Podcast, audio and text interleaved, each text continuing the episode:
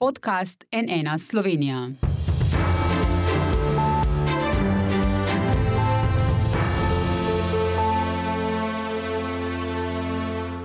Dobr dan, to je NN studio. Minuli vikend je na benzinskih servisih po vsej državi pred pričakovanim jutrišnjim dvigom cen goriv prihajalo do moten dobav. Zmanjkovalo je benzina in dizla, nekatere črpalke so morali začasno celo zapreti. Malo prej se je oglasil tudi predsednik vlade Robert Golop in dogajanje označil kot škandal.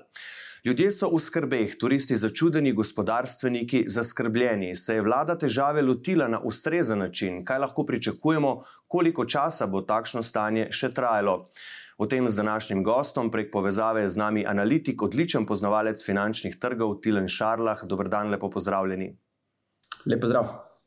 Še danes bomo torej izvedeli točno ceno za liter benzina in dizla na črpalkah izven avtocestnega križa. Trenutno kaže, da bo liter dizla okoli 1,8 evra, liter benzina pa malo čez 1,7 evra. Prizore konec tedna ste videli, verjetno je težko reči, kateri dejavniki vse so vplivali na to, pa vendarle me zanima vaš komentar. Uh, ja, težko je komentirati, v bistvu, zakaj je do teh um, rekel, zapletov prišlo za dobavi uh, uh, samega benzina. Dejstvo je, da je energetski trg zelo zapleten in tisti, ki pozna, bom rekel, specifiko pogodb samih v dobavah, uh, lahko glede na to, da se soočamo z izrednim stanjem na energetskih trgih, seveda. Uh, trenutno rečemo, da uh, je izredno težko reči, da je zaradi zadev prišel tik pred dvigom, ne samim.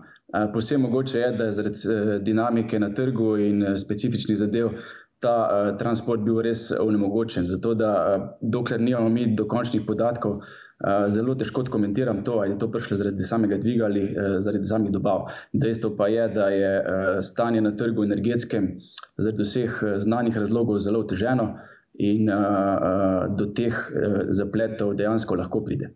Mhm. Eh, je bila to, da so za en teden na vladi vnaprej napovedali ukrepe, torej regulacijo marš, je bila to napaka, je to morda lahko povzročilo takšno stanje?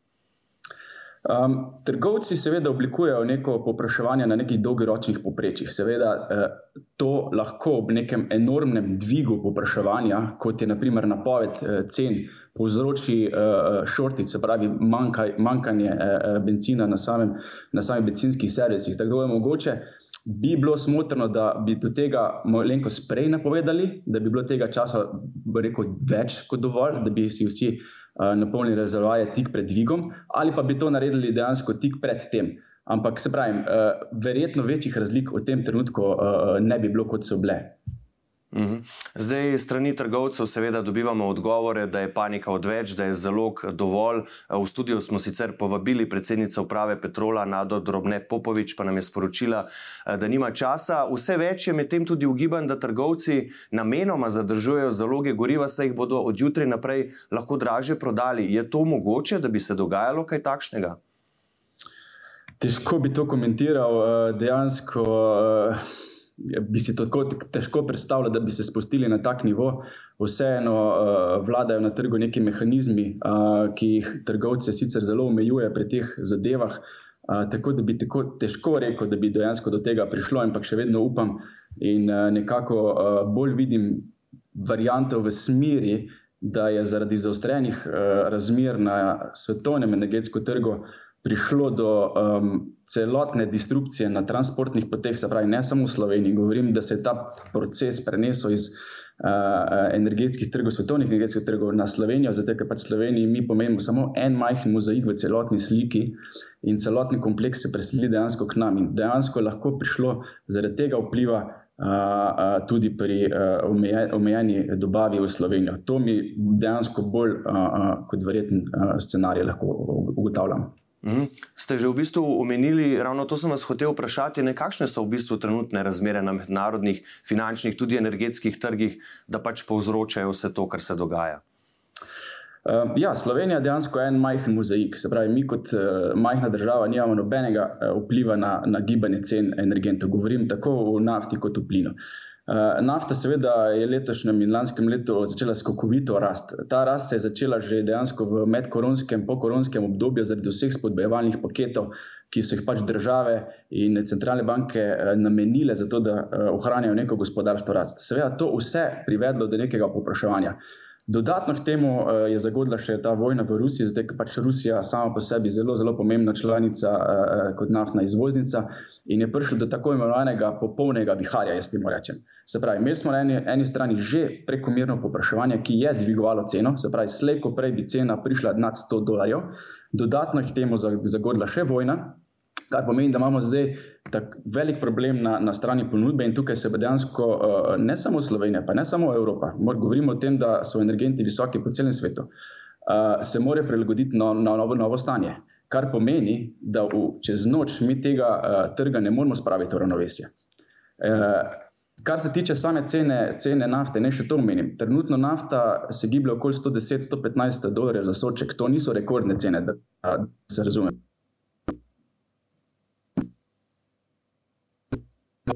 Naprimer pri 150, 145 dolarjev. Uh, tako da to, kar imamo zdaj, dejansko še ni tisto stanje, do katerega lahko pridemo mi kratkoročno. Uh -huh. uh, kaj pa bi bilo morda, če je možno kaj storiti na strani povpraševanja? Ne? Ja, na, na strani povpraševanja je zadeva sledeča. Eh, lahko vzamemo vzor, kar se dogaja trenutno sedaj na finančnih trgih. Centralne banke hočejo posežti po, po, po likvidnosti na marketu. Eh, zvišujejo obrestno mero, zato da bi znižali dejansko popraševanje in se bojujejo na ta način za inflacijo. To je dejansko najboljši ukrep. Se pravi, centralne banke hočejo organsko znižati, zato da bi potrošnik dejansko manj porabil. In to seveda tudi pomeni pri transportu. Na eni strani bo tako umaknili eh, dodatno popraševanje. In se bo cena temu prilagodila. To je en korak. Drugi korak je pa, seveda, za višjo ceno bo avtomatsko upadel del, del popraševanja, kar pomeni, da dolgoročno visoke cene seveda ne morejo preživeti. Če bi šla nafta proti 150, proti 200 dolarjev na sod, seveda to pomeni kratkoročni supply šoki. Na dolgi rok seveda to noben potrošnik ne bi mogel dejansko plačevati te cene in bi se trg avtomatsko uh, uravnal. Kar pomeni, da nekako najboljše za, za, za tržno, bom rekel, uh, uravnilo, ko bi bilo, da pride do kratkoročnega šoka v smislu recesije, se pravi, da na hitro opade gospodarska rast, tako kot smo videli naprimer po finančnem zlomu 2829, eh, kar je umaknilo iz trga popraševanje, takrat je nafta iz 145 padla na, na 33 dolarjev v roku dveh, treh mesecev in se je to uh, trg uh, avtomatsko uravnal. Tak scenarij, na primer, nekako špekulira uh, ameriška centralna banka, ki hoče z nekim soft landingom, se pravi, z višjenjem obrestnih mir, poskuša počasi uh, znižati inflacijo, na drugi strani pa ohraniti delno gospodarstvo rad, se pravi, da tega šoka ne bi bilo prevelika. In to je glavni, glavni cilj, ki se dejansko finančne institucije trenutno bojujejo na trgu. Se pravi, kako uravnati trg, ne zato, ne, ne, da ne bi preveč uh, uh, omejili gospodarstva. In to je, po moje, uh, pravi rok. Je pa res, da to ne moreš narediti čez noč. Te korake se poznajo v treh do šestih mesecev. Teda, kar se to zdaj dogaja v, v Ameriki z centralno banko in Evropsko centralno banko, se bo pri nas poznalo v roku treh do šestih mesecev šele. Uhum. Ja, pa še recesije si seveda eh, nihče v resnici ne želi. Poslušaj zdaj, kaj je glede tega danes dejal gospodarski minister Matjaš Han, ki prav veliko konkretnega sicer, bodimo iskreni, ni povedal, zgolj ponovil je to, kar pravijo distributerji goriva, da je zalog dovolj in da ni vzroka za paniko. Prvič, situacija v, v svetu je pač neznosna in mi smo kljub temu, da je prejšnja vlada lahko sprejela zelo všečen in dober ukrep za potrošnika, ne, je, bi s tem ukrepom spravljala dnevno državo na kolene. In mi smo kot odgovorna vlada mogli sprejeti določen ukrep. Zdaj, verjamete mi, da bi jaz raj videl, da bi bila nafta vem, zelo nizka in bi bil ministr za gospodarstvo največji. Ne, kako lepo, kako lepo dela, ampak uh, jutri bi imel pa probleme z socialnimi transferji, z investicijami, potem bi isti gospodarstveniki prišli, kje so pa zdaj aneksi, sorovine se dražijo in tako naprej. Zdaj, mi, da bomo lahko krivili kjerkoli, moramo imeti prvo jasne in točne podatke. Ali je kdo špekuliral in premal, bom rekel, filo ali pa kako se reče, polno rezervarje, ampak zato moramo imeti podatke. Drugo, bodimo odkriti.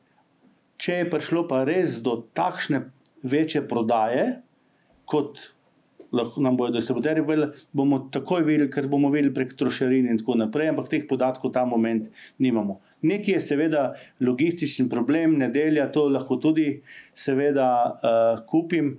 Uh, tako da uh, za kakršno koli oceno o odgovornosti bi rad imel podatke na mizi. In če je potrebno, da prevzamem tudi jaz kak del odgovornosti, seveda, seveda ja.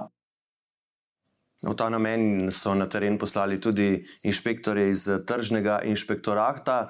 Zdaj, eh, gospod Šarlah, če strnava državi, bi zaradi očkodninskih zahtevkov nastala ogromna škoda, pravi minister. Eh, drugega kot to, da regulirajo marže izven avtocest, jim ni preostalo, res ne. Na Hrvaškem, da nimo so prav danes zamrznili cene goriv, razen na avtocestah, to, kar je recimo pri nas naredila prejšnja vlada.